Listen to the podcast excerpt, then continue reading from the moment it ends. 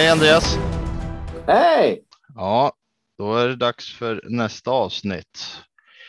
Jag tänkte att till att börja med ska vi gå igenom lite var det någon, om det var någonting så här som stod ut från förra podden. Det var Växjö, vi hade Skellefteå och vi hade Leksand som körde. Var det någonting så här som du reagerar på från någon av dem? Ja, det var väl framför allt Petras tabell. Prickar hon in den? Ja, precis. Petra från Växjö. Prickar hon in halva den tabellen rätt, då, då blir jag imponerad. Nej, som sagt, jag tyckte det var en utstickande tabell. De andra har ju ändå en hyfsad jämn tabell. Ja, hon tippade Växjö som ett i alla fall. Sen hade man Malmö på sjätte plats och ändå känns ganska högt. Vad hade vi mer? Oskarshamn nia, va? Ja, det var väl eh, Smålands eh, hjärtat som pratade antar jag. Eh, Timrå 10, också ganska högt ändå. Ja. Så Örebro och Leksand 11-12 som åt andra hållet då, kanske lite låga. Ja, jag tror att de båda kommer högre upp. Leksand kommer inte komma topp fyra i år, men de kommer inte heller vara i ja, men ingenmansland eller bottenstrid. Det tror jag inte. Nej, känslan där är ju att visst, de har tappat eh, Rivik, de har tappat eh, Selarik som vi pratade om, men de har ändå Camper kvar och de här nu Råhomma och övriga värvningar de har gjort känns ju som att de kommer kunna ta en liknande roll, även om de kanske inte når upp riktigt till den nivån. Men annars så tänkte jag, jag reagerar också på eh, Leksand där och eh, när, vi, när han pratar om Göransson, Mattias Göransson, eh, hans förväntningar på honom när han var i Leksand, alltså som en offensiv spelare. Ja, absolut. Han eh, är ju tänkt hos oss att vara en defensiv kugge, alltså en, en lillebrorsa till Jens Westin kan man ju säga. Att Jens Westin är storebrorsan i det här defensiva och så är det ju Göransson och så är det Ginning då. Ja. Nej, men den blir lite spännande om det är så att det kanske kan finnas en liten eh, offensiv uppsida på Göransson som man inte har tänkt på förhand. Han kanske blir backarnas Gustav Rydahl, går från brunkare till superstar över en natt ungefär. Ja, det är inte omöjligt om det nu finns sån bakgrund i det hela. Så det, ja, vi får hålla ögonen öppna i offensiven kring honom också då, framöver. Mm, absolut. Vilka ska vi prata med idag? Då tar vi oss mot Linköping och Viktor. Välkommen! Hallå, hallå! Tack så mycket! Tack så mycket! Presentera dig själv! Viktor Karlsson heter jag och bor i världsmetropolen Mjölby hemstaden till eh, potatisrondellen, nästan till E4 och har väl varit eh, Linköpings supporter sedan, eh, ja, sen barnsben. Jag tror jag var två och ett halvt år tror jag när jag gick på min första LHC-match med farsan och då jag var tvungen att kolla tillbaka på Elite Prospects och LHC spelade då i division 1 så det har ju hänt lite sedan dess kan man ju säga. Annars vet jag inte vad man förväntar sig så mycket mer. Eh, jag är väl motsatsen precis till vad, vad folk förväntar sig till vad man är som, som Mjölbybo om man har följt eh, Mjölbypartiet på sociala medier så är jag ju absolut inte en tidigare EPA-ägande dieselkörande Volvo-snubbe som snusar utan är ju snarare raka motsatsen till det. Så... Det är skönt att höra för då vill säga ja. att du hatar inte Katrineholm. Du älskar Katrineholm istället. Då. Jag vet inte om jag vågar säga det högt för risken är väl att det finns storebror ser dig så att säga. Så risken ja. finns väl att eh, det här kommer ut. Så nej, nej, jag, nej, jag måste nog säga att jag inte tycker om Katrineholm. Och, och, för, de, och för de som lyssnar här så finns det Mjölbypartiet och de har väl sin lilla Instagram och liknande där de eh, bärsar lite på Katrineholm. Ja, bland annat och tycker, och tycker att snus och diesel är det finaste som finns. Ja. Vi hälsar dig varmt välkommen. Om vi tänker då, du har varit med då sa du från division 1 och hela mm. vägen upp då till eh, SHL och en SM-final som högst va? Ja, Ett silver. Två. Ja. Ja, två silver om vi nu ska Ja. räkna dem, om vi måste räkna dem. Ja, men det är inte det ni gör tänkte jag. ja, nej, vi räknar dem inte så mycket, men alla andra verkar ha väldigt bra koll på alla våra silvermedaljer. Ja, men ni måste ju fylla prisskåpet med någonting. Ja, ja, absolut. Ja, men hur har den resan varit då? Har det känts som att det var spikrakt upp eh, från division 1 eller har det varit mycket motgångar och så vidare? Vad du kommer ihåg då? Ja, ja, alltså, för det var också det. Jag var tvungen att titta på Elite Prospect och följa exakt hur, hur seriegången har gått. För så som jag minns det, uppvuxen som två och ett halvt åring liksom i, Stånge, i lilla trånga Stångebrohallen, alltid fullsatt oavsett om det var liksom division 1 Hammarby hemma en tisdag eller om det var kokande kvalserie upp mot SHL så var det ju alltid liksom högsta ljudvolym i Stångebro. Det var pommesbrickor och, och med korv liksom och det var bara ett, en ljudvolym som kunde spräcka trumhinnor på, på den vilken på en dödfödd i princip liksom så kändes det ju och så som jag minns det har ju i alla fall under min barndom så var LHC ett väldigt framgångsrikt lag i division 1 och allsvenskan och tittade man tillbaka lite på det där så, så stämde det ganska bra. Man har ju varit uppe och kvalat väldigt många gånger uppåt, men eh, man har ju inte varit ett, ett, ett fast SHL-lag sedan säsongen 2002, 2000, nej 2003, 2004. Sedan dess har vi varit ett stabilt SHL-lag. Så kan man ju säga. Det var också första gången vi gick till kvartsfinal och åkte ut mot Timrå.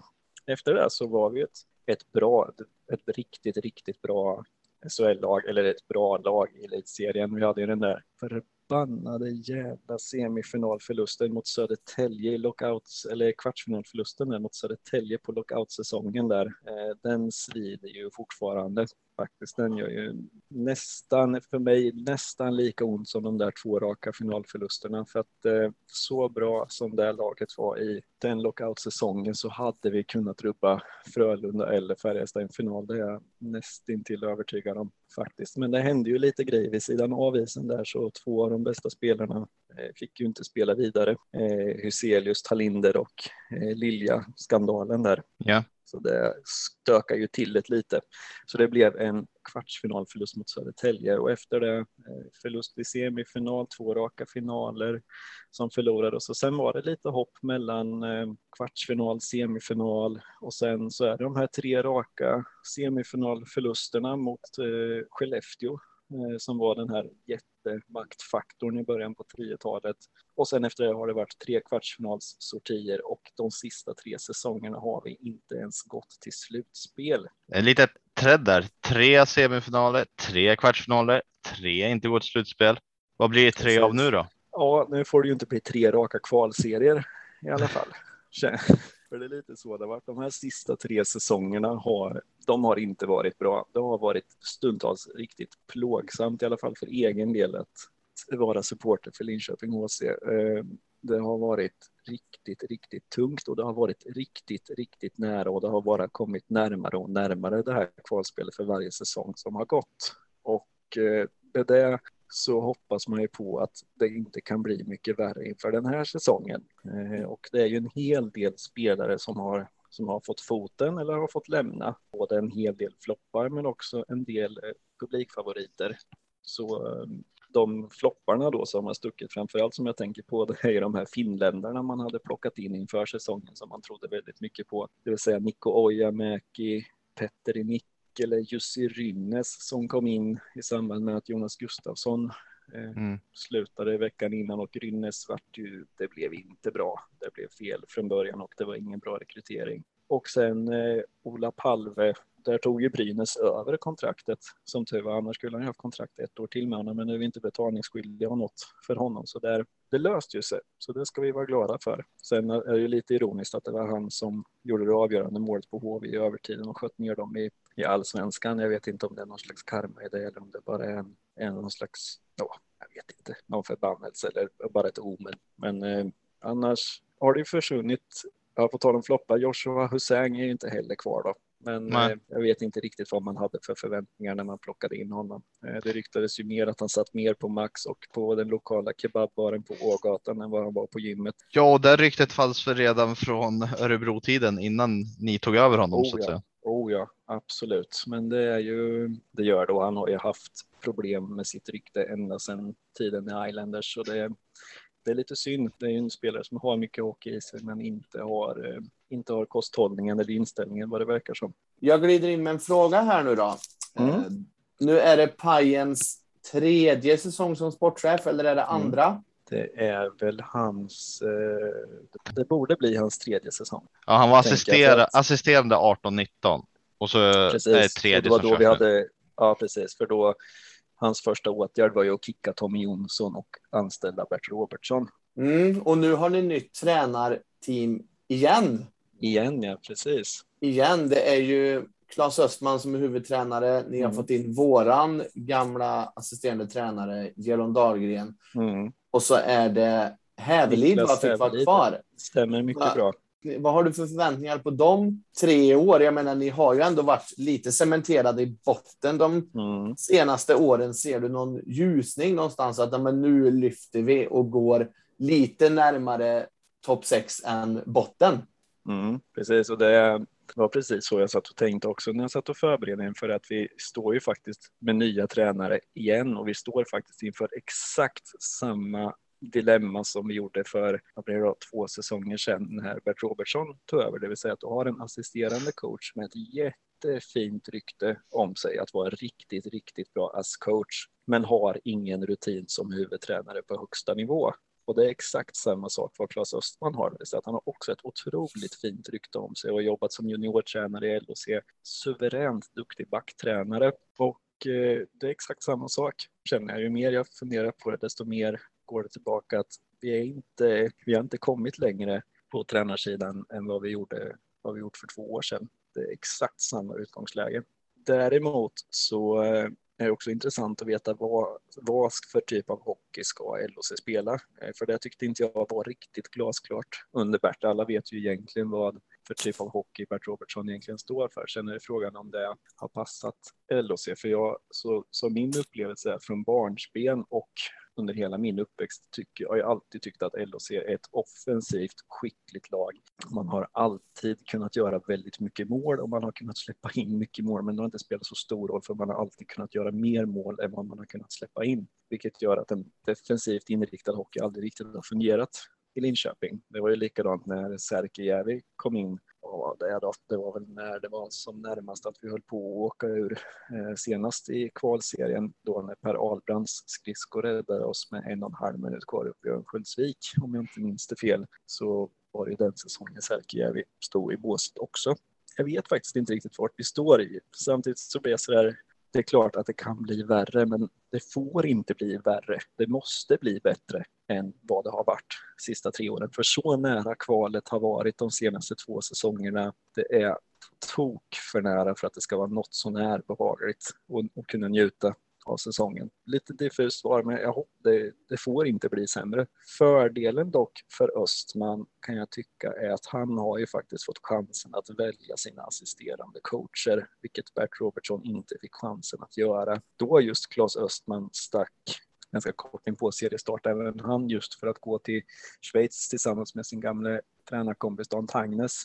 Så att då fick man ju plocka upp en assisterande tränare ifrån juniorlaget istället i form av Daniel Eriksson. Så utav den anledningen så vill jag och tror att det kommer bli bättre. Lång, lång utläggning, men det är vad jag tror.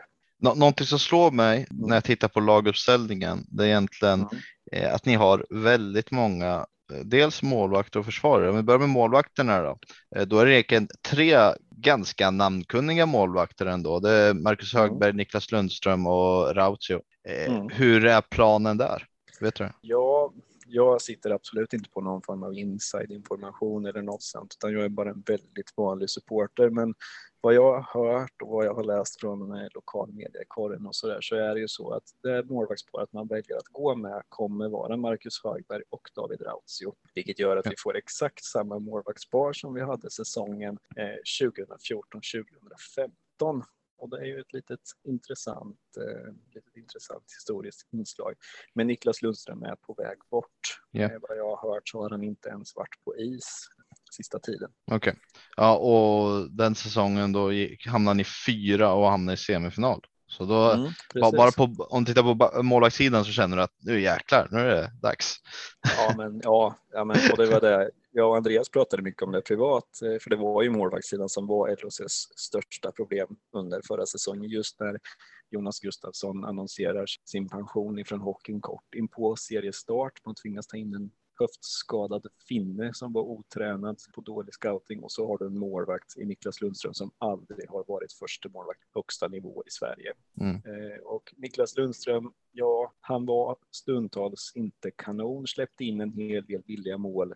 Men försvarsspelet framför honom var inte heller alltid bra. Man ska inte lasta hela förra säsongen på Niklas Lundström för att han fick en roll han inte var mogen att ta. Men eh, jag vet inte om jag sticker ut nu, men eh, jag säger det rakt ut. Mm. David Rautio räddade Linköping kvar i SHL. Ja, det gjorde han helt och hållet och det rent krasst kan det faktiskt vara en av Pajens absolut bästa värvningar och det vet jag att du och jag, Andreas, pratade om privat, eh, för du ställde också frågan till mig då när det blev klart att LHC skulle ta över David Rautio. Är David Rautio en målvakt du vinner en kvalserie med? Och det vet jag att du diskuterade mycket fram och tillbaka, men svaret blev nej. Men däremot är David Rautio en målvakt som kan hålla dig kvar i SHL. Backsidan, Mm. eh, då är det samma sak där, att det ser ganska tjockt ut. Det är nio eh, backar Mm, på kontrakt när jag bara tittar här. Hur, vad vet eller tror och pratas det om där då? Kommer det någon på väg bort, utlåning? Eh, Ja, vi får väl se lite. Jonas Juland kommer ju att missa starten på säsongen på grund av en eh, höftoperation. Okej. Och han har ju, gör ju sin rehab och är på is, men jag har en sån här non-contact jersey, så han får ju inte ta emot några smällar än, men han är på is i alla fall. Men det har varit planerat sedan länge att han kommer att missa säsongstarten. Mm. Varav den eh, lite senare värvning av Linus Kronholm eh, från Malmö eh, gjordes då. Va? Men det kommer att bli, när man räknar på det så, och Mattias Bäckman kommer ju från en enormt lång skadefrånvaro in i slutet på säsongen och är så fruktansvärt bra och dominant de matcher han spelar. Jag tycker också att han var en av de enskilt viktigaste anledningarna till att LHCs försvarsspel blev mycket, mycket bättre. Tänkte precis säga det. Det jag såg var ju en Bäckman som, ja, en, alltså tillhörde toppskiktet i SHL Mm. där jag såg. Ja, ja, och han har ju potentialen att vara så bra, men det är någon mystisk höftljumskskada, någonting som de inte riktigt har kunnat åtgärda på något sätt, utan det har varit han har ju varit på gränsen på att lägga av många gånger för att det inte har varit värt det, men på något sätt hittat motivationen, han hittat någon liten gnista och det har gått. Sen har man kört honom väldigt, väldigt försiktigt nu på försäsongen för att inte köra sönder honom tidigt nu. Man blir lite som inte jätteinsatt så blir man lite så här. Man glömmer bort honom för om jag kollar nu Mm. alltså det är 36 matcher de tre senaste säsongerna. Mm. Mm. Det är ju Precis.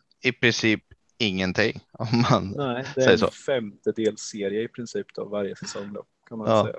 Nej, men en frisk Mattias Bäckman är en riktigt, riktigt bra back på SHL-nivå, helt klart.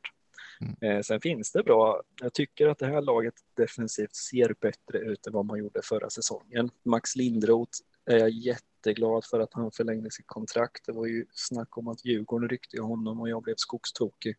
Det är en back som vi verkligen, verkligen vill ha kvar. Han är bara 25 år och jag tror inte han har nått sin maxpotential än. Eh, Jesper Pettersson är ju, får man väl ändå säga, tillbaka i LHC efter några år i bland annat Djurgården, men har ju tillhört LHCs eh, juniororganisation om jag inte miss missminner mig. Jajamän, det har han. Eh, och lämnade ju LHC för cirka åtta år sedan. Och eh, det ska bli mycket intressant att se vad, vad han har att göra. Han har bra ålder inne och den, den spel, en back som jag tyckte om. En liten back men är han lägger inga fingrar emellan i, i närkampsspelet och har ett bra, ett bra skott och ett bra första pass. Eh, sen vet jag att, att det har lyfts lite kritiska röster mot honom i andra forum, eh, bland annat i en kollega Ekberg, podd med Mr Madhawk vet jag att jag tror det var Mädan som hade Jesper Pettersson som en potentiell flopp under den här säsongen, att hans stats har varit väldigt fina just för att han har spelat bredvid väldigt bra backar tidigare. Så att han är lite mer under, han är lite mer exponerad i ett, om man inte får en bättre kollega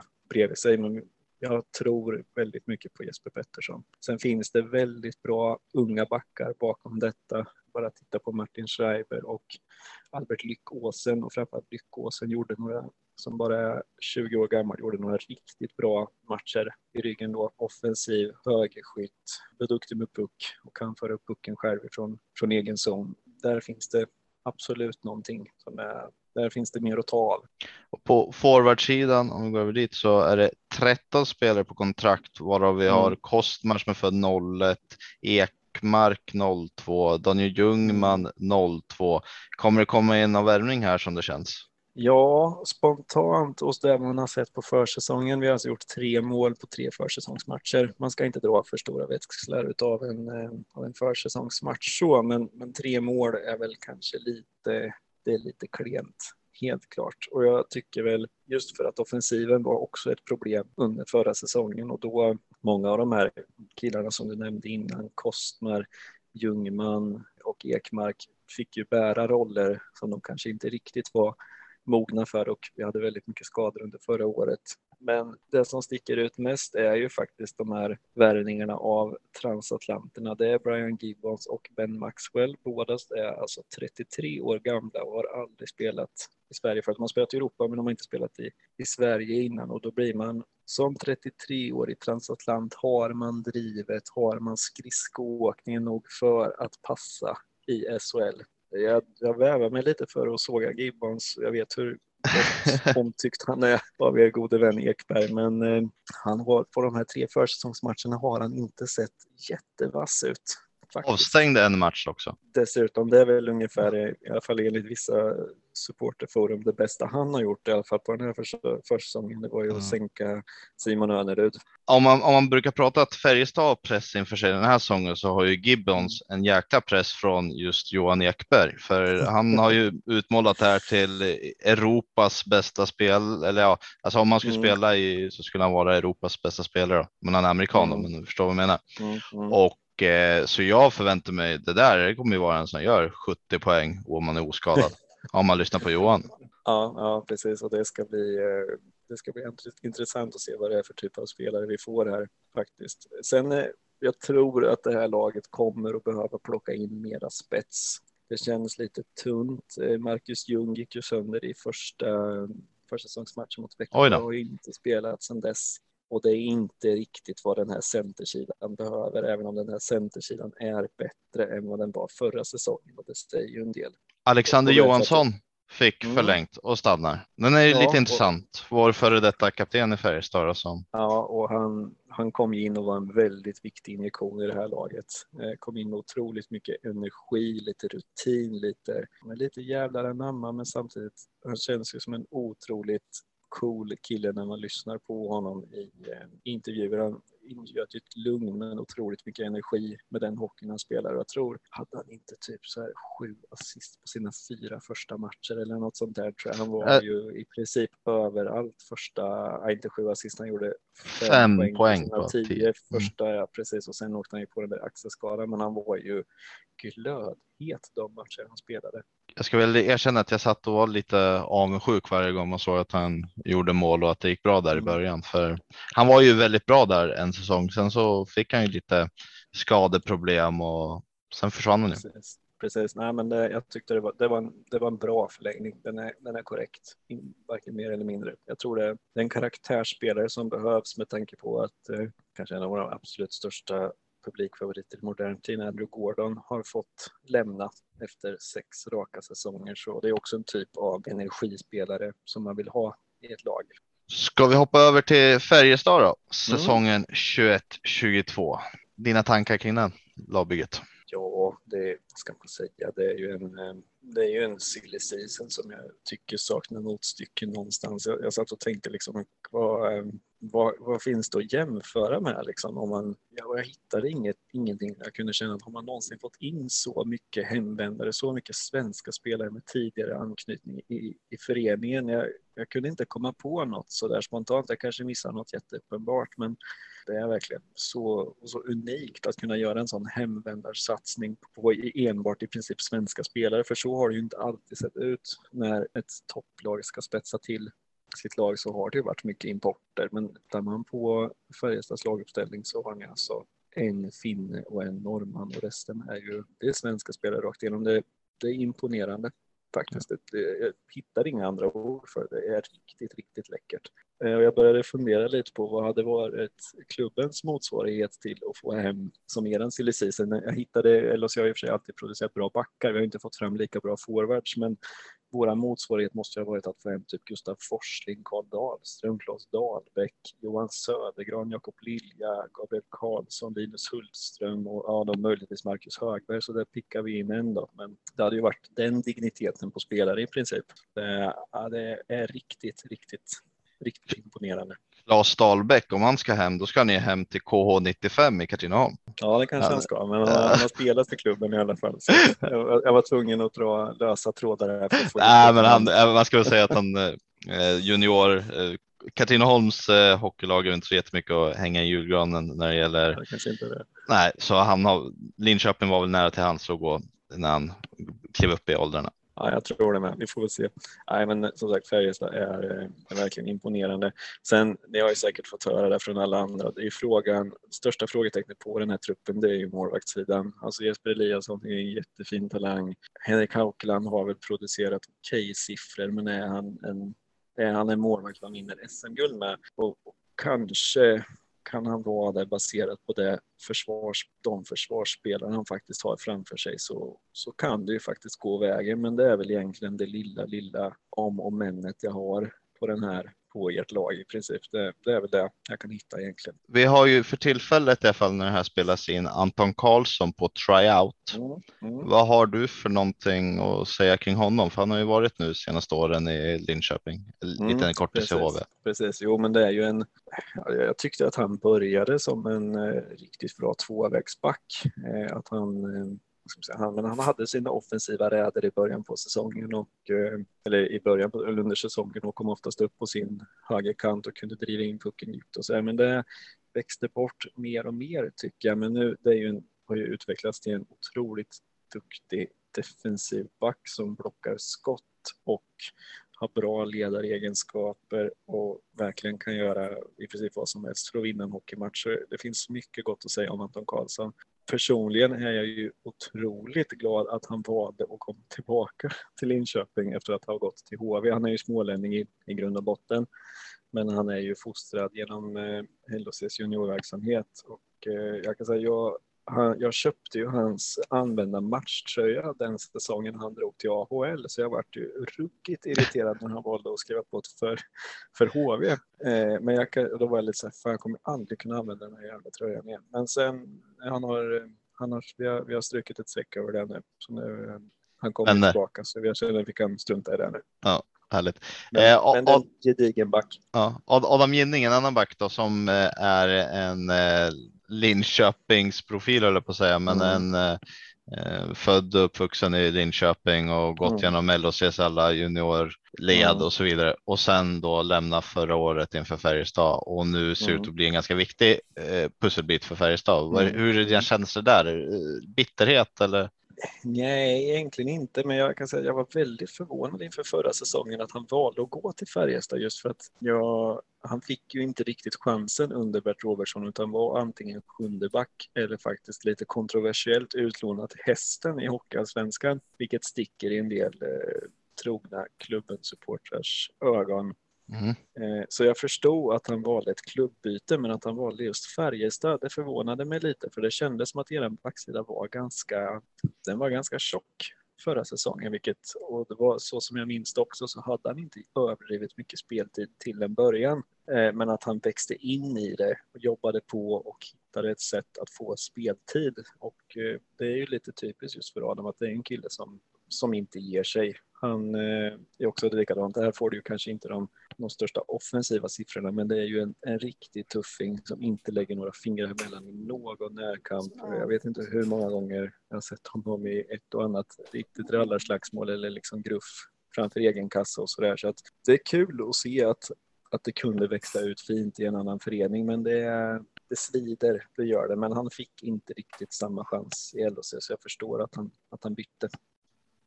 Jag tänkte köra en sista fråga och det är egentligen om du tittar på Färjestads lagbygge och du får välja en spelare som sticker ut som du skulle vilja plocka till Linköping? Det kan antingen någon står ut väldigt mycket eller som du känner den här pusselbiten skulle sitta väldigt fint i LHC just nu. Vem skulle du välja då? Mm. Ja, jag har ju pratat gott om våra målvakter och våra backar så det måste ju bli en forward men utav allt detta. Oj, oj, oj. Jag säger nog spontant ändå Micke Lindqvist på grund av målskyttet. Det är nog en, en målskytt som skulle behöva komma in i, i LHC-säsongen eh, 21-22. Så det får bli Micke Lindqvist. Utav allt man har att plocka på i den här godispåsen så får det faktiskt bli det. Det var lite svårt där. Det var både goda sura godisar och choklad och bara gott. Ingen lakrits. Nej, lite så faktiskt. Jag håller med. Det fanns många bra. Det fanns många bra bitar här, helt klart. Men eh, ja, jag menar, man hade inte tackat nej till en Gustav Rydahl, en Daniel Wiksten, en, eh, en Linus Johansson eller en Ejdsell eller en Delaros. Nu har du snart sagt hela laget. Ja, precis. Ja, Marcus Nilsson då. Uh, nej, man hade inte tackat nej till något i den positionen vi är, men jag tar Micke Lindqvist på grund av målskyddsegenskaperna. Måste bara säga det, det är väldigt skönt Adam, för det, vi får behålla Jocke Nygård. En, ja, vi har haft en som har valt Nygård faktiskt. Jaha. Hittills när vi har spelat in det här. Så du sätter Joakim Nygård högre än Micke Lindqvist alltså? Ja. Du gör det? Ja. Alla dagar i veckan gör jag det. I, i hel, helhetsspelet. Eh, Nygård har så mycket. Han, han, han är inte den där poängliraren egentligen. Han har gjort väldigt mycket mål nu senaste eh, tiden, men det är inte egentligen där hans, utan det är att han får med sig ett powerplay varje match i princip, minst. Han skapar yta för sig själv och för andra. Han står framför mål, han åker ifrån, han skaffar friläge. Alltså han gör verkligen allt och han spelar boxplay, han spelar powerplay. Mm. Det är en sån extremt allround-spelare med sin spets i, hast, i sin skridskoåkning såklart. Men, Mm. Ja. Mm. Jag ville bara flika in där att det var absolut inte meningen att låta som jag tog såga Micke Lindqvist. Jag älskar Micke Lindqvist på isen, men eh, jag håller fortfarande Jocke Nygård högre. Jag tror inte du behöver motivera så mycket. Jag, jag tar inte illa upp i alla fall. Nej, det är bra. ja, men Nu ska jag vi tänker, göra det roliga. ja, Nu ska vi tippa tabell. Mycket intressant. Ehm, Vill du jag börja kan- uppifrån eller ner? Jag tänkte jag börjar nog faktiskt nerifrån. Eh, För jag tänker att eh, hint hint, men då kommer mitt lag först. Höll jag på att säga, men mycket tidigare än om jag hade börjat eh, uppifrån. Ja, alltså jag, så som jag tänkt kring tabellen, det känns som att vi har ett kluster liksom på, på typ tre, fyra lag i varje, i varje del av tabellen. Så däremellan är de väldigt svåra att placera. Eh, och det första klustret på är ju botten, bottenlagen, det vill säga lag 14 till 11. Men då har jag ändå satt i botten som jumbo så sätter jag faktiskt Brynäs i år. Eh, trettonde plats sätter jag Timrå, följt av tolfte plats Djurgården och elfte plats IK Oskarshamn. mm, Och varav vi kommer till play-in-lagarna. Då har vi som på tionde plats Malmö, nionde plats Skellefteå, åttonde plats LHC, sjua Örebro. Och så har vi topp sex. Så sjätte plats Frölunda, femma Leksand, fyra Rögle, tre Växjö, tvåa Färjestad. Och etta Luleå. ja, Så där har ni mitt tabelltips. Och anledningen, jag bytte faktiskt, jag måste, då måste jag ju få försvara mig, att jag bytte faktiskt plats på Färjestad och Luleå minuterna innan vi startade podden. För jag har fått lite vibbar av att Färjestad kanske kommer göra lite så som Frölunda och Växjö har gjort de säsongerna man har varit riktigt framgångsrika. De kommer gå bra i början på serien. Kanske sen framåt våren slå av lite på takten, börja spara lite på resurserna på energin, lägga om träningen lite, förbereda sig för ett långt slutspel. Kanske kommer tappa lite, lite poäng på det och varav jag tror Luleå går om i sluttabellen. Sen när det kommer till slutspelet så topp fyran där mellan Luleå, Färjestad, Växjö, Rögle är ju fyra lag som kommer som är klockrena guldkandidater och det kommer vara ett jämnt skägg däremellan. Eh, och det är det jag tvivlar lite just de få tvivel jag har kring Färjestad är ju om Färjestads offensiva individuellt skickliga ishockey klarar av Sam Hallams tråkig defensiv och nedstängningshockey och Luleås allmänna Bulan Berglunds brunkarhockey om man orkar med det i en serie under övertid. Men eh, jag hoppas ju på att jag tycker ju alltid att det är lag som spelar den roligaste hockeyn ska få vinna, inte brunkarhockeyn. Så att jag håller er ändå som slutvinnare av serien, även eller som SM-guld, men jag tror inte ni vinner serien. Det var en eh, intressant aspekt där ändå som du nämner att starta bra, men sen att man medvetet eh, lägger om träning, eh, vilket man, det var Frölunda det pratas mycket om, gjorde det och mm. träna ner sig lite så där för att ändå vara som bäst när det gäller i slutspelet. Mm absolut. Det, det är vad jag tror. Jag bara spekulerar, men mm. Eh, och jag kan säga att jag satt, jag räknade, jag var tvungen att räkna ut min, vår egen slutplacering och sen börja placera efter det. För att om vi ska vara bättre än 11-12 så måste vi ha lag som Malmö, Oskarshamn, Djurgården, Timrå och Brynäs bakom oss. Eh, jag satte Skellefteå som nia för jag tyckte att deras lag såg väldigt svagt ut. Men nu har ju de därvat på lite sen jag gjorde den här listan. Men eh, jag tänkte lagt kort får ligga. Nej, och LOC, det är väl lite det här som fans brukar göra, att man, eh, man ser positivt på saker och ting. För av de vi hittills har kört med så eh, har du faktiskt tippat LOC högst upp av alla. Oj, tjena, ja, okej, det här kommer jag ju få äta upp då. Men... ja, eller så är det du som har bäst koll på Linköping också. ja, vi får se. Jag har nog varit lite optimistisk, men eh, jag måste ju vara det. Jag kan ja. inte säga att allt ska vara skit. Du har ett hjärta som måste få hjälpa till också. Ja, jag tror det. Jag tror det. Mm. Superroligt att ha dig med, Viktor. Ja, det var, det var. Det är inte ofta man får chansen att spela in podd, så då, även om jag förstår att urvalsprocessen kanske inte har varit stenhård och att det inte har varit mördande konkurrens som kanske just den här inspelningen, men det har varit. Det var väldigt, väldigt roligt att få vara med. Jag tyckte du skötte det alldeles utmärkt och det skulle gissat på att du har varit med i fler poddar, men Ja, jag, har nog lyssnat på fler, jag har nog lyssnat på fler än vad jag har varit med i tror jag. Ja, du har lyssnat på mycket eh, Johan Ekberg alltså? Ja, det har hänt faktiskt. Jag fick något litet trevligt tips där, var det en två somrar sedan kanske, så kom det ett litet insider-tips om att den podden var väldigt bra. Ja. ja. Vem kan det ha varit ifrån? Ja, vem kan det ha varit ifrån? Jag kommer inte ihåg vad han heter. Det var någon skäggig värmlänning i alla fall. Andreas Nelsa Nilsson kanske. Kan Nelson, vara så. Tror jag det kan vara Nelson också. Jag kommer inte ihåg. Ja, just det. Ja. Uh, nej, men stort tack att du ville vara med, Viktor. Uh, grymt. Du får med beröm godkänt. Ja, men vad härligt.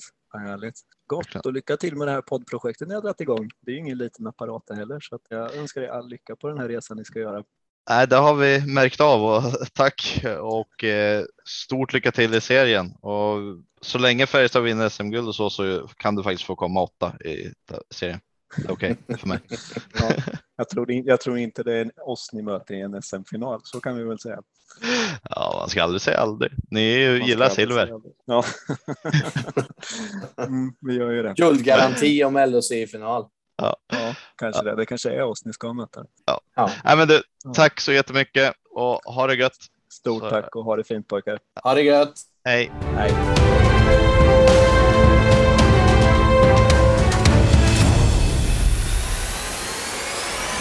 Örebro-supporten Rickard Berger. Hej Rickard, välkommen! Tackar, tackar. Hur är läget grabbar? Det är bara bra. Det är bra, tack. Du kan väl berätta lite om dig själv. Vem är du? Är väl en Örebro-supporter i grund och botten och äh, gammal hockeyspelare också för den delen, fast på lite lägre nivå. På, jag spelade upp till 20-nivå i Örebro här. Sen så, så vart det, vart det skola och andra saker som tog över. Och nu, nu på senare år så har vi drivit, jag och en annan kille här, en podcast runt om Örebro Hockey sedan sex år tillbaka. Så att på den nivån är det. Spännande. Har du en Elite Prospect-sida? Nej, jag är så gammal så att jag inte kommer dit. Grabbarna är alldeles för unga för det här. nej, jag har, jag, nej, så långt kommer jag inte faktiskt tyvärr. Det hette ju inte ens J20 på den tiden, utan det hette ju A och B juniorer. Okay. Men alltså, har, du, har du spelat med någon som har tagit sig hela vägen? Vi kan väl säga så här att jag har gjort träningar med Håkan Ålund. Det känns väl liksom bekant för er om inte annat. Mm. Mm. Han är, han är ju då fem år äldre än mig. Så att no, några träningar med honom vart det på när jag var junior. Sen, vad heter det, sen har jag en annan kille som var på att spela i Linköping som heter Andreas Kroy då, vars grabb nu spelar då i Linköping då, den långa stora backen där. William, eller vad heter han? William. Ja, precis. Ja. Som, är, väl- som är väl nu mer utlånad till någon annan klubb tror jag. Okej, spännande. Ja, Om du får eh, tycka till lite om ditt eget lag Örebro, då, vad har du att säga om Örebro säsongen 21-22? att framförallt så känns det ju oerhört stabilt i Örebro som det ser ut just nu. Alltså, vi, har, vi har ju en stomme kvar sedan förra året med spelare som vi verkligen vill ha kvar och framförallt målvaktssida intakt som har varit jätte, jättebra liksom förra säsongen där vi har, har varvat med, med vi heter, det, två riktigt stabila målvakter och en backsida här där vi har kvar ja, kanske, kanske vårt bästa backpar och eh, kryddar ihop det med en, en ytterligare en suverän back som är kvar sedan förra året. Så det ser ju väldigt, väldigt bra ut bakifrån. Och likadant på centersidan. Jag är ju jätte, jättenöjd med det som jag har både kvar och det som jag har plockat in då. En centersida som består av rätt många finländska spelare bland annat. Eller ja, generellt består många finländska spelare på backsidan också. Ja, generellt så, så är det ju två centrar från Finland som vi har då. Ja. Mastomäki låter ju jättefint men inte är där då, som är våran tredje center där. Men Lionen och Leino, där har du helt rätt. De två är finnar och sen har vi Abols då som är lettländare. Ja, det finns ju en klassisk eh, intervju med Mastomäki, var det Lena på Simor som pratar engelska med, med honom. Ja, det finns en klassisk med Mustonen också, där våran kära, vi heter det. Kan, jag är säker på Mustonen som var förresten, jag kanske blandade ihop dem. Ja. Nej, du, den som du menar med Lena Sundqvist är ju med Mastomäki, då har du helt rätt. Ja, det var har rätt, du. Mustonen, Mustonen så hade en annan med, med han som jag kallar för bilförsäljaren. Hon blonderade, kära, vi heter det, eh, kommentator som jag inte kommer ihåg namnet på bara just nu. Bilförsäljare. Ja, jag tycker han ser ut som en bilförsäljare och pratar väl mer eller mindre som en också här. Tyvärr. Ja, det är göteborgaren du tänker på. Till hundra procent. Men vad, han med glasögon. Ja, jag, kan, jag, kan inte komma, jag kommer bara inte ihåg vad han heter. För, att han, för det första tycker jag inte han är speciellt bra. Och vad heter han kommer knappt ihåg vad, vad spelare heter. Och han började ju hela intervjun på engelska i alla fall med Mustonen. Patrik Westberg. Patrik Westberg heter han. Helt rätt. Ja, finns, finns något genomgående, någon, något uttalat eller någonting som finns med tanke på att det är så många finländska spelare att de har dragit dit kompisar eller hur kommer det sig att det har blivit så pass många? Ja, men så här är det. Vi har, haft, vi har ju haft ganska många intervjuer och snackat ganska mycket med Niklas Johansson, sportchefen i Örebro. Och Man har, man har lagt upp en strategi i Örebro där liksom man i första hand har gått efter svenska spelare och liksom velat fylla på med, med hockeyallsvenska och egna spelare. Men, men i andra hand så är det finska spelare man går på. Det är mer liksom för att de passar väldigt bra in i, i sättet vi tänker hockey här. Och du, du vet oftast väldigt, väldigt mycket vad du får av dem rent mentalt och rent inställningsmässigt och sådana här saker. Så att man har inte haft några större problem med några finnar som vi har haft i Örebro. Då. Vi har ju haft ganska lyckade värvningar därifrån. Mm. Jag tänker på Jani Lajonen är ju en värvning i mina ögon så inför den här säsongen som st står ut som är kanske en av seriens bästa tredje centra om man säger så. Mm. Jag, jag skulle vilja påstå att det är få lag i SHL som skulle tacka nej till honom som tredje center. Han gjorde en riktigt bra sejour i Växjö senast han var i Sverige. Ja, och framförallt så har vi örebroare mardrömmar om honom efter att han nästan helt själv plockade bort Derek Ryan och då som är i ert lag här nu då. Daniel Wiksten och Martin Johansson, den linan som vi hade där som första lina plockade han mer eller mindre bort helt själv. Plus att han gjorde två mål själv i en av de här kvartsfinalerna. Så man drömde ju mardrömmar om honom. Då är det rätt skönt att ha han i sitt lag nu då, med andra ord. Ja, och framförallt, jag, jag varit oerhört förvånad faktiskt. Men för den kom faktiskt helt out of the blue. Det var ingen som har diskuterat Janne Lajonen på något sätt liksom i Örebro. Och inte nästan i Hockeysverige heller tror jag riktigt att han skulle komma till oss eller till Sverige överhuvudtaget. Han, jag trodde han var parkerad och klar i Schweiz. Han hade ju varit där i fyra säsonger och hade ju gjort det jättebra. Så att jag trodde han skulle fortsätta där. Men på något sätt så tror jag liksom att, att han i det här läget också hade pratat då med, med några av finnarna i vårat lag för att han och eh, Näckyve är ju absolut bästa kompisar. De var ju, de var ju best mans på varandras bröllop, så att det har nog gjort ganska mycket att han kommit till Örebro där. Mm. Men om vi ser eh, på Örebro. Förra året kom ni sexa, va? Mm, nej, vi kom sjua till slut förra året. Ja, ah, sjua var det, ja. Just det. Mm. Skulle du säga att eh, topp sex är fullt rimligt i år eller ligger ni lite bakom topp sex fortfarande? Nej, topp sex måste vara målet för Örebro i år. Vi, vi måste ta de här kliven eh, nu som, som, som eh, vi är inne på den resan som vi har gjort här nu. Och de här spelarna som vi har plockat in här nu, plus att vi har den stommen kvar från förra året, den backsidan som nästan till är. Ja, det är ju egentligen bara Salo som är borta av de backarna som vi tappade, som vi tycker har varit en förlust för oss. Annars är det ju komplett där och det vi måste ta det steget helt enkelt. Hur är statusen med Nick Ibert? För han har ju inte spelat någonting och det ryktas att han var dåligt tränad. Ja, statusen på Nick Ibert, men när man har varit nere och tittat på de träningarna som han har gjort hittills och tittat så är det ju. Jag, jag anser, jag anser så här. All, alla kan komma tillbaka, eller alla kommer du tillbaka i dålig form och du blir testad i dålig form. Det är ju vad du gör sen som är de stora liksom utropstecken. Tar du det tillbaka och tar du i kragen. Jag kan berätta för er grabbar. Det här är en kille som kör dubbla pass nu hela tiden för att komma ikapp alla, så att det är inget snack om att han vill bli en, en toppback i år. Mm. Om vi glider in på Färjestads lagbygge då, 21-22. Ja. Mm. Vad har du att säga om, om vårat lagbygge? Ja, herregud, vad, vad ska man säga om, om Färjestad vad som inte har sagts i år? Det höll jag på att säga. Eh, Real Färjestad är väl många som tar ett uttryck och det är väl kanske ett uttryck som är slitet och fel, men herregud, ska ni inte ta ett SM-guld i år, då kommer ni nog aldrig göra det, grabbar. Ja, tystnaden och, och, som uppstår. Ja, och, och grejen är, ja, men grejen är ju lite grann så här också, att det är ju det här som är, kan vara er i fatet också. Alla tycker precis som jag, att, man, att Färjestad ska bara ta det här. Sen finns det så, saker och ting i lagbygget som jag ser som, som krackelerar lite grann. Och det, det, är väl liksom att jag tycker att hela laget är för framviktat. Liksom, vart är defensiven i det här laget? Penneborn pratar om att, jag lyssnade på, faktiskt på en intervju med honom här bara igår, där han berättar att han tycker att Färjestad borde bli lite mer tråkigare och spela lite mer defensivt och, och klara liksom hemjobbet bättre. Men herregud, hur ska ni göra det med det här laget? Ja, tyckte du att eh, det var ju, jag vet vilken podd, det är VF-podden med Johan Ekberg där. Och jag, jag, tänker då, känner du någonting? Vi har ju mött er nu i träningsmatch två stycken. Mm. En som var den första för vår del i alla fall. Mm. Tror det var er första också. Och sen ja. vi, möttes vi ju för bara några dagar sedan. Kände du mm. att du såg någon skillnad på Färjestad om du såg om du har sett båda matcherna? Vill säga? Mm. Nu ska vi säga så här också att Örebro ställer upp med två helt olika lag i första matchen och sista matchen. Då ska ni ha klart för att sista matchen när Örebro möter Färjestad, då har vi sju spelare borta. Vi kastar in tre stycken juniorer som gör sina första seniormatcher någonsin och ändå vinner. Mm. Jag, mm. jag kan inte påstå att jag är imponerad av Färjestad i sin egen zon det går snabbt med, med vad heter det, spelomvändningarna med Nygård och sådana här saker. Men sen tycker jag liksom i egen zon slarvas det alldeles för mycket. Det är inte svårt att få fast pucken i Färjestads zon. Inte ens för lite juniorer och det ska det inte ens få ske tycker jag i ett sånt här läge. Men om man ska ta, gå i lite försvarsposition, då, så Färjestad mm. har ju egentligen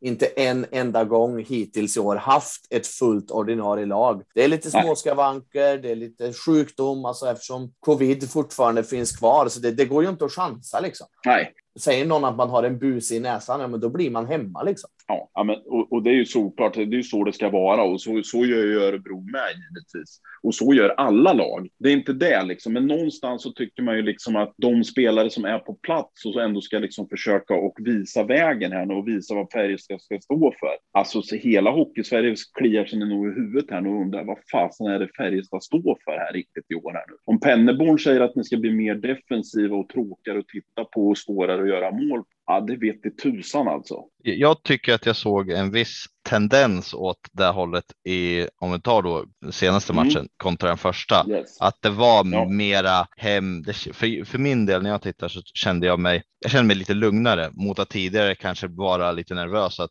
motståndaren gör mål så fort vi inte har pucken. Så kände jag nu att det var ja. lite mera safe hela tiden, att man inte blev nervös i första taget. Ja, men det, det kan man ju hålla med om liksom någonstans att, att det vart inte farligt hela tiden bara för att ni inte hade pucken. Men fortfarande liksom så, så, så tycker jag inte Färjestad ska behöva vara så mycket i egen zon. Sen kan ju det, vara, sen kan ju det här vara saker som Penneborn kanske det rent taktiskt vill testa i de här matcherna innan. Att se hur, hur de reagerar på att vara i egen zon under längre period och bli lite nedtryckta och hur, hur, det, hur de reagerar på det. För många tränare vill ju få ut sånt ur en träningsmatch också. Mm. Och det, det är ju lite därför det heter träningsmatcher också, för man ska ju Exakt. testa.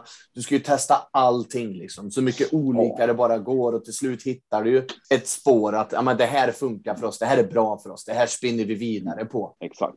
Och det är så, för jag, jag pratade med Niklas Eriksson precis innan alla träningsmatcherna vi heter, börjar här. Och han berättade för oss att man kör en vecka och då tränar man på en viss sak i spelet och det vill man implementera i den träningsmatchen som är den veckan. Nästa vecka så tränar man på en annan sak, då vill man implementera det och se hur det funkar den träningsveckan. Sen hur själva matchen går slutresultatmässigt, det bryr man sig egentligen inte ett skit om i det här läget. Man vill bara se att de sakerna vi har tränat på, de görs korrekt på matcherna sen. Och Ja, jag hoppas och tror liksom för er skull att det är så. För, för att nå, någonstans får det inte se ut så här när serien börjar sen. jag är faktiskt inte ett dugg orolig eh, inför Nej. serien. Eh, det finns ju ett väldigt känt citat eh, när Färjestad tog guld 09 när de intervjuar Perra Jonsson efteråt. Och där, Mm. där säger han så här. Vi fick lite skit i höstas när vi försökte skruva ihop det här, men här kan du ju titta. Här står resultatet. Allt är ju en process menar jag med det. Du, du måste ju börja någonstans och så jobbar du ut efter det.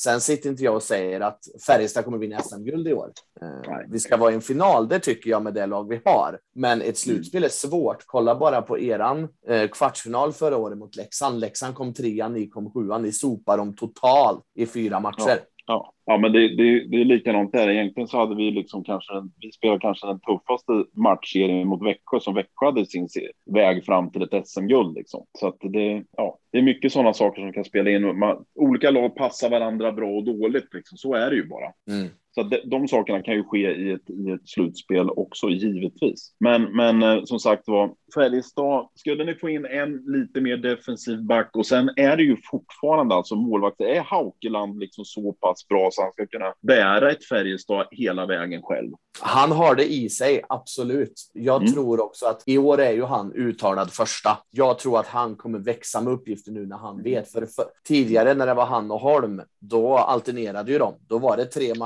men precis. Sen vila tre matcher. Nu kommer han kanske stå tio, vila en. Ja. Och det grundar jag i då, framförallt Mm. då året han stod i Leksand när de slog ut Modo. Då stod han Mm. verkligen på huvudet. Så ha, absolut, han har det i sig. Du tror på honom, det, det, det förstår jag att det måste ni ju göra också. Jag menar, någonstans så måste ju han liksom kliva fram och ta det ansvaret själv och bli den här första målvakten som ska kunna ta ett lag hela vägen. Men om man ska vara djävulens advokat lite grann och titta hur, hur det har sett ut de sista fem åren på vilka lag som har vunnit SM-guld så är det nästan andra målvakten i de lagen som har gjort det för dem. Någonstans om, om man ska hålla en hel serie hela vägen så, så undrar liksom om, om, om det är det som kommer räcka hela vägen till ett guld liksom. Eller om det är det som kan vara liksom tungan på vågen om du förstår vad jag menar. Absolut. Då är det lite spännande då att det finns ju faktiskt en målvakt där ute med Örebro förflutet som nyligen skrev ett kontrakt i sin hem, hemstad eller om det är i alla fall hemma i Tjeckien i en månad. Eh, Mm. och som jag vet att du tyckte var ganska bra om jag säger lite milt när han stod där. Dominik Furch. Mm.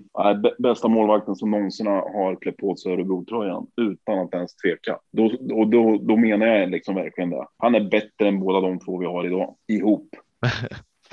Så skulle, sk- skulle det bli så att han eh, skulle dra en signing med Färjestad om vi bara eh, Det är guld rakt av. ja, du, du tror det, det skulle vara liksom Nej, det, nej, det, är, det, är inget, det är inte ens att tveka på då. Så bra är han. Alltså det, alltså jag har sett träningar med honom, så jag, man har ju sett ganska många hockeyträningar i sitt liv. Jag har aldrig sett en målvakt tävla så hårt som han gör. Och det är ett monster i gymmet. Alltså.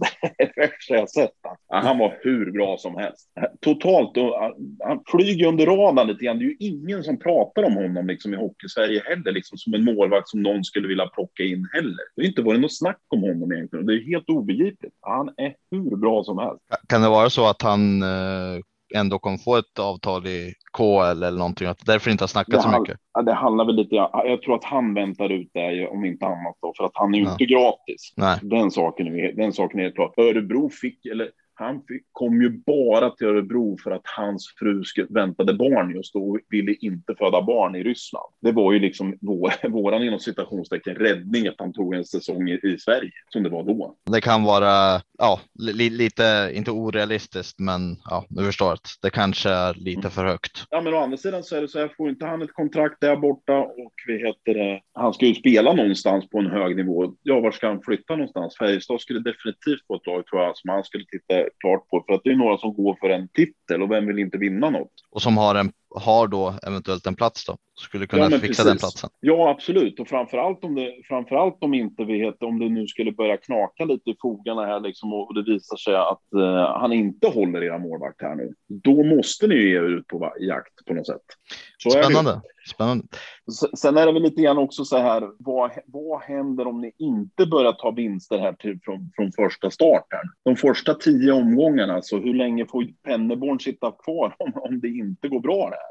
Jag tror att pennan sitter stensäkert. Han har eh, mm. kontraktsår. Jag tror att de kör med han säsongen ut. Om det inte är så att vi ligger tvär sist, alltså mm. efter 20 omgångar. Ja. Men nej, han, pennan sitter stensäkert den här säsongen. Vilka farhågor ser ni då på, på, på himlen kring Färjestad då? Det jag känner är eh, egentligen defensiven, alltså, och då inte riktigt alltså, målvaktssidan känner jag mig ändå lugn om det är så att defensiven skulle sitta. Vi har ju ändå fått in mycket har ju varit till exempel Delaros och eh, Linus Johansson då, två centrar som är mer eh, defensiva av sig eh, och att mm. vi har ändå potential för att kunna ha ett bättre försvarsspel. Det är egentligen mm. där lyckas man få till försvarsspelet, då blir det lättare för målvakten också och att både mm. prestera och se bättre ut så att säga. Få enklare puckar mm. etc.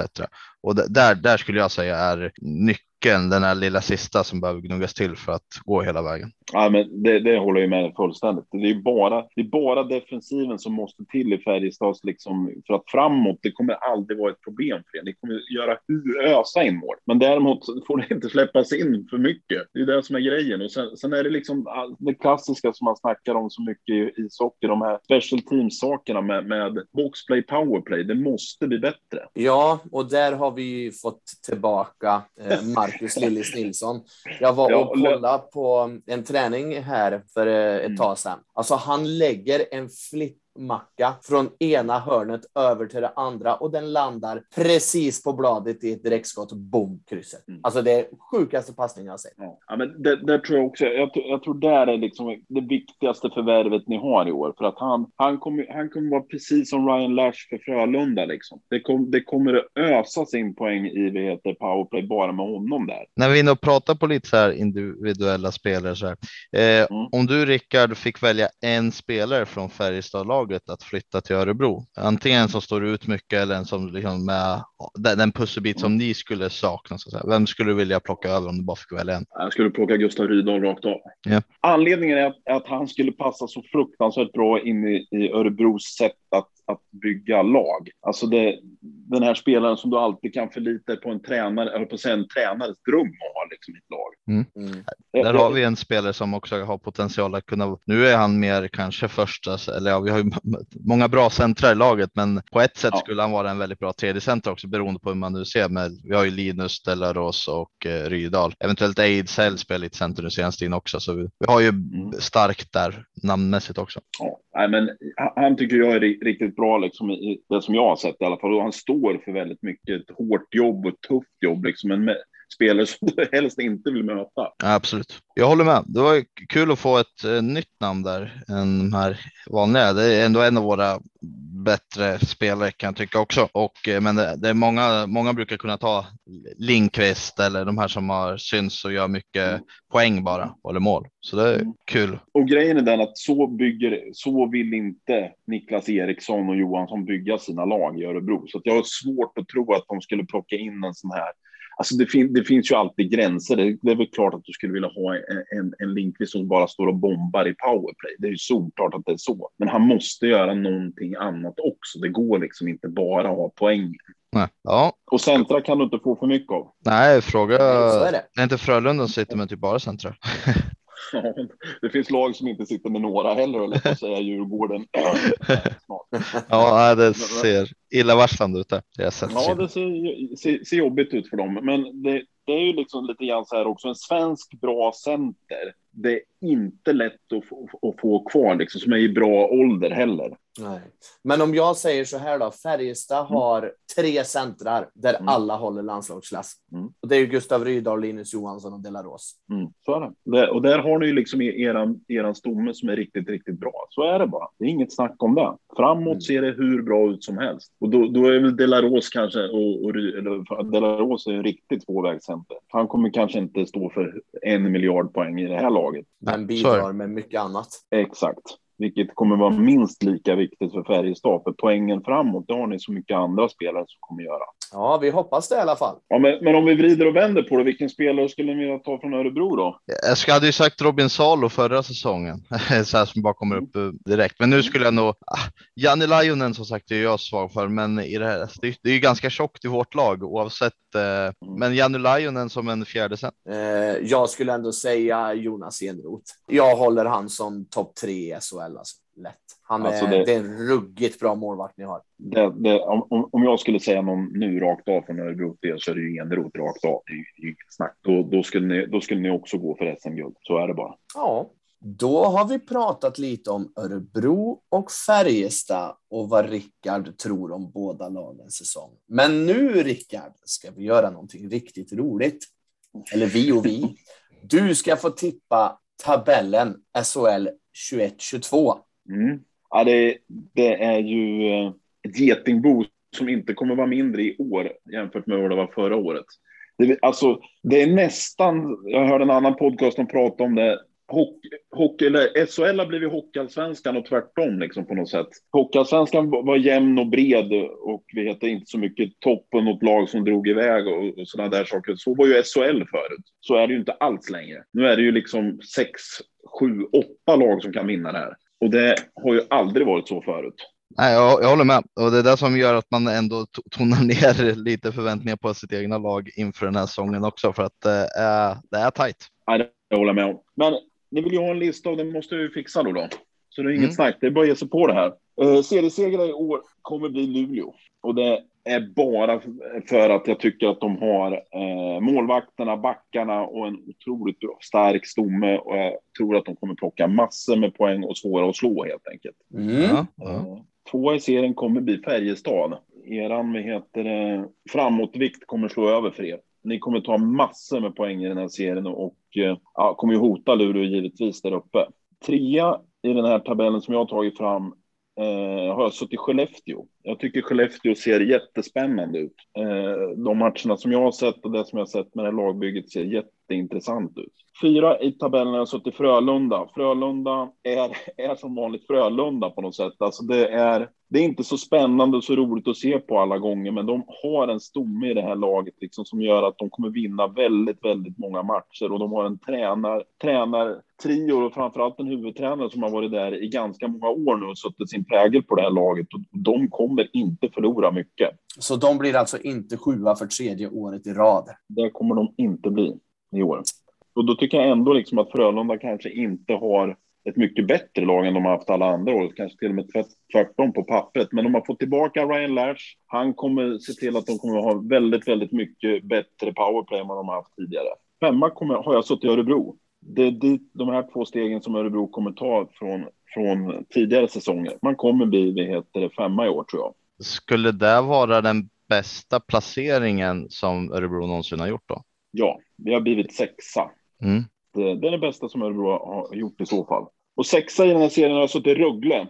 Rögle är ett lag som kan lika gärna vinna den här serien som att komma sexa. Det är lite grann, vad heter det, Eh, upp till dem själva här att bevisa. Men de har tappat rätt mycket spelare. De har plockat in väldigt mycket spännande spelare också. Men de måste få ihop det här också på något sätt. Jag tror att de kommer bli jättebra, det är inget snack om det. Men i min tabell så blir de sexa. Mm. Sjua i min tabell har jag suttit Växjö. Jag tror Växjö kommer ha ett litet mellanår i år jämfört med alla år, andra år. Jag tror inte, det brukar vara så att vinner man SM-guld och man har tagit så blir det en liten eh, rekyl och då har det varit för Växjö alla andra år också tidigare när de har vunnit. Så där tror jag det kommer bli även i år. Dock inte säga att de kommer vara dåliga på något sätt, men de kommer inte komma högre upp än sjua för mig. Åtta i den här serien har jag suttit Malmö. Malmö tror jag kommer ta lite, lite steg i år. Jag tror att de, är, de, har ett klart bättre lag än vad de har haft tidigare år. Eh, de har haft en tränare nu som har fått en säsong inne och de har ju mål, målvakter som kan, kan överraska här. Ja, de fick ju in eh, Marmenlind heter han va? Yes. Ja, och då snackar vi en riktig Örebro-bekanting för, för oss då, som har stått i vårat J20-lag och gjort någon eller några matcher i A-laget också för Örebro då. Jag hade ingen koll på faktiskt han hade Örebro-förflutet. Ja, han är, han är en junior från Örebro, gått igenom alla junioråren i Örebro. Spännande. Och på nionde plats då? Nionde plats har jag suttit Linköping. Jag tror Linköping fick sig en riktig tankeställare förra året, liksom efter hur det såg ut då, överallt. Så att eh, de måste få till en bättre säsong i år och de har plockat in betydligt mer spets än vad de haft tidigare. Och Sen har de annat... äntligen fått en målvakt. Ja, det var ju det jag tänkte säga. Och nu, nu, nu låter det som en, som en, en, en, håller på att säga, det ekar väl här inne igen, men det är ju fortfarande ytterligare en Örebro-bekanting då. Ja. Som är verkligen, verkligen är från Örebro från början då. Också har hela sin skolning i Örebro från början, men flyttade ju då till Linköping för J20-spel. Ja, för han, sen har han ju blivit eh, förknippad, eh, Marcus Högberg då, med, med Linköping. Känns det, ja. är, är det navelsträngen klippt med Örebro eller finns det en förhoppning ja, det... att han kanske hoppar tillbaka någon gång i framtiden till Örebro? Eller? Jag tror inte att det finns så mycket navelsträng till Örebro överhuvudtaget på, på, på, på honom där för att han, han stack när Örebro var ganska långt under isen som hockeylag. Han, han kom ju fram samtidigt som Gabriel Karlsson då i Örebro. Och båda stack ju då till vi heter, Linköping samtidigt. Och det är inte så att han har kvar något hus eller boende i Örebro utan? Nej, han Nej. har ingenting. Han flyttar så pass tidigt så, så, att det är nog mer, mer att han har köpt hus i Linköping i så fall. Ja, ja det är inte så långt emellan. Så, nej, det. så att det tror jag. Tionde plats alltså till Leksand. Eh, Leksand kommer också få någon typ av rekyl från förra året. Jag tycker där, där förlitar man sig på en första lina med, med Rivik och de här som gjorde allt för dem. Och jag har svårt att se att de ska vara lika bra i år. Ja, jag skulle kanske sätta Leksand något snäpp högre, men absolut, eh, de har ju verkligen saker att bevisa i år, för de levde ju på sin första kedja förra året. Ja, men så var det ju liksom. Man, man levde, levde på den fullt ut där. Och sen då var vi nu på elfte plats, va? Elfte. Yes. Ja, och där, där petar jag in Djurgården här. Jag, jag, jag har svårt och bli jätteengagerad på Djurgården. Linus Widell är en fantastiskt härlig center att titta på. Men det är för mycket skadeproblem i den här truppen. Liksom. De, man, man har förlitat sig på en, på, på vad heter han, eh, nu tappar jag bara namnet här. Vad Josefsson. Josefsson då, som har varit skadad från och till och klev ju av nu senast också och är skadad igen här. Nej, jag tror inte Djurgården kommer bli lika bra som förra. Och Barry Smith, högst tveksam alltså. Den nya tränaren, ja. Ja, det är i mina ögon ganska alltså, torftigt. Det är väl det minsta liksom. Det är ju, jag, tycker, jag tycker det skulle finnas betydligt mycket fräschare och mer spännande tränarval än vad han är. Ja. För nu snackar vi alltså Mal Malmö hockey från 90-talet liksom. Där stod han. Nu ska han ta över Djurgården 2021. Jag fattar ingenting av det här. Nej, jag höjde väl också på ögonbrynen kan jag säga när de presenterade honom, en 68-årig gubbe liksom. Ja, nej, det, det är för mig totalt obegripligt. Ja, vi får se vad, vad Djurgården mm. säger när de är, är gäst här sen. Tolva har jag kastat in Oskarshamn. Jag tycker Oskarshamn är en jäkligt rolig förening att titta på när de spelar sin hockey. Jag tycker att det är, är, är har alltid varit kul att se dem spela på det sättet som de gör och, och det är roligt att de har kommit upp i, i, i SHL tycker jag. Ja, ja så de, nu, de är här för att stanna nu alltså. Ja, jag tror inte, jag tror inte Oskarshamn kommer åka ur i år. Det finns två lag som är för dåliga för det. Och då har vi på trettonde plats. Ja, jag har suttit Timrå där faktiskt. Jag tycker Timrå, man är nykomling. Oftast är det svårt att etablera sig på ett speciellt bra sätt. Man får oftast liksom kämpa för varenda poäng man äger och har. Och jag tror faktiskt inte de kommer ta tillräckligt mycket poäng för att bli bättre än 13. Nej, eh, och då kommer de få möta i det här superångestkvalet. Ja, Brynäs då. Ja. Sorge, sorgebarnet som jag tyvärr inte ser har blivit bättre i år, utan nästan tvärtom här. Alltså jag, jag kan inte se hur Brynäs ska kunna ta sig någon annanstans än att hamna bland de två sista här. Sen finalförlusten 16-17 så har de kommit 10, 11, 12, 13 senast och nu till nästa säsong då om det, ditt tips går in 14. Alltså det är otroligt vad svagt och vilket strul det är i den föreningen. Det är makalöst. Vad händer? Nu senast sa J20-tränaren upp sig som de precis hade anställt. Jag vet inte riktigt vart det ska sluta ens för dem. De, Nej. För om det ska finnas någon glädje så faktiskt idag så vann de ju Skåda Trophy. Ja. ja och vi, vi hade ju även eh, Brynäs här som gäst eh, i förra ja. avsnittet. Nej, för ja. två, avsnitt, två avsnitt sedan menar jag, förlåt. Eh, och han sa ju det rakt ut att Brynäs har SHLs dyraste trupp. Ja. Och då snackar vi liksom Anton Rudin och Skott och alla de här liksom som ska göra. Och de, de, de måste verkligen vara hela, hela säsongen. Blir Anton Rudin skadad och borta någonting den här säsongen, ja, då ryker de. För han är liksom hjärtat och drivet i hela den där klubben. Och då spelar ja. det ingen roll liksom att du har plockat in en mästar, mästartränare från Kerpet eller vad det nu än är. Jag tror det kommer bli jättesvårt för dem.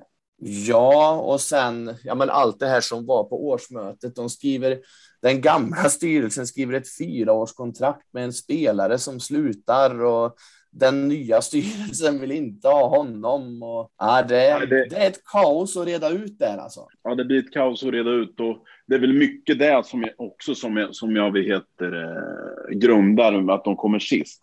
För tittar du rent bara rakt upp och ner på spelartruppen, då kommer ju Brynäs absolut inte hamna sist i den här serien. Nej, det håller jag med om. För att tittar du bara namn för namn så ska de absolut inte hamna där. Men då sa vi om HV71 och det sa vi om Brynäs förra året också. Till slut så hamnar du där om du inte får ihop det här. Och SM-guldet sen då? Vilka tar det? SM-guld 2022, då blir det våren. Ja, det kommer faktiskt Luleå göra också. De vinner serien och de vinner SM-guld. De alltså får det... alltså sitt första guld sedan 96. Ja, i, i, i, min bok så får de det och det, det, är liksom bara för att jag tycker att de har det mest kompletta laget. De har en tränare med, med en väldigt, väldigt stark spelidé som alla behöver bara ruta sig in och köra efter. Ganska tråkigt egentligen, liksom så här. Inte många spelare som, som orkar att vara med Bulan speciellt länge och som tränare. Men får de ihop det som lag med den kvaliteten de har på målvaktssidan och alltihopa det här med backar som är ju absoluta världsklass med Erik Gustafsson och de här och sen Omark och man har liksom kryddat det bara med. Nej, de kommer vinna den här i år. Ja, då får vi se om det här är facit eller inte då. Sen kan jag, jag, kan även, jag kan även spå in i nästa säsong, för då vet jag direkt vilka som kommer vinna SM-guld. Örebro eller? Nej, det kommer Färjestad göra. Det grundar sig bara liksom att får ni, ni får, får ett år ha spelat ihop den här spelidén. Penneborn har fått liksom det här laget till att, att försöka dra åt samma håll. Man vet mer liksom vad man går för allihopa och, och sett lite mer varandras kvaliteter och vad man ska få ut av de här spelarna det kommer bara bli bättre år två än år ett. Ja, för det är ju faktiskt en eh, intressant grej i det hela är ju att många av de här spelarna som har kommit och även vissa som förlängde då har kontrakt mm. över nästa år också. Det är eh, ja, en kontinuitet där som ser ut att bli. Sen är det klausuler och sånt och NHL mm. och så vidare. Men många av de här har ju också skrivit utan klausuler så det. Ja, det... Och sen är och sen är det ju även, även så att man, vad heter det, efter ett år så ser man ju också vad man behöver liksom krydda det här laget med att plocka in spelare med rätt karaktärer och rätt liksom sätt. Så då kommer det bara se ännu bättre ut. Ja, vi får se. Uh... vad tror ni själva då grabbar? Det avslöjar inte vi än. Nej, det är klart. Det, det kommer i ett senare avsnitt som du kommer få lyssna på. Det tycker jag. Det ska bli jättekul. Jättespännande säsong i alla fall att det är igång här nu. Ja, absolut. Det närmar sig med stormsteg. Ja, men jättekul att snacka med grabbar. Detsamma. Eh, tack för idag. Så lycka till i serien så får vi se om det kommer ett gäng Färjestadare till Örebro eller om det blir, inte blir publik eller ja. Vi hoppas ju verkligen på publik. Det är det som vi, som, som vi vill ha. Det är ju det här skiten vi vill bli av med så, snabb, så snabbt som det bara går. Verkligen. Absolut. Men ja, Rickard, tack för idag. Tack ska ni ha grabbar. Tack så jättemycket. Ja, det så bra. Då, med dagens gäster så har vi betat av halva SHL. Jag tycker det är väldigt roligt att höra de andra lagens åsikter, framför allt om vårat lag. Och det känns ju som att det är många som ser oss som årets tunga favorit. det är det som kommer göra pressen ännu större. Men eh, det är såklart, det är med all rätta som vi ska vara med där i toppen och ses som en av favoriterna helt klart. Det både, både på pappret ska det vara så, men även vad vi faktiskt vill. Vi vill ju faktiskt vara där. Vi vill inte vara i botten eller någon annanstans. Nej, eh, och det ska vi ju inte vara heller med det laget vi har på pappret. Och inför kommande så är det bara, kör vi vidare på eh, gäster från andra SHL-lag. Inom kort så kommer vi komma med nästa avsnitt också, så hoppas att ni njuter av dem. När vi är färdiga med de här så kommer vi gå över till vad vi kommer känna vara lite mer ordinarie avsnitt där vi kommer då, som vi tidigare varit inne på, behandla det som har varit sedan tidigare, det som kommer komma, ha med någon gäst med anknytning till Färjestad. Eh, men alla de gästerna har vi inte spikat. Eh, så är det någon eller några ni tycker skulle vara bra gäster så är det fritt fram och kontakta oss. Eh, och om ni vill kontakta oss så går det på hur många sätt ni vill och kontakta oss. Enklaste sättet är att antingen skicka ett DM på Twitter, på Facebook eller på Instagram. Och på Twitter och Facebook då är det podcast 1932 som gäller. På Instagram är det podcast underscore 1932. Och sen kan ni även nå både, både mig och Andreas på Twitter direkt om du vill det. Då Andreas han har at karate Nelsa och jag har at Adam underscore stal S-T-A-H-L. Så är det bara att kontakta oss om ni kom på någonting och även andra tankar och idéer. Fritt fram. Vi ska göra det här till den bästa podd vi kan, så då behöver vi all input som går. Ja, ska vi tacka för oss då, Andreas? Ja, det tycker jag vi gör. Tack för idag så hörs vi nästa gång.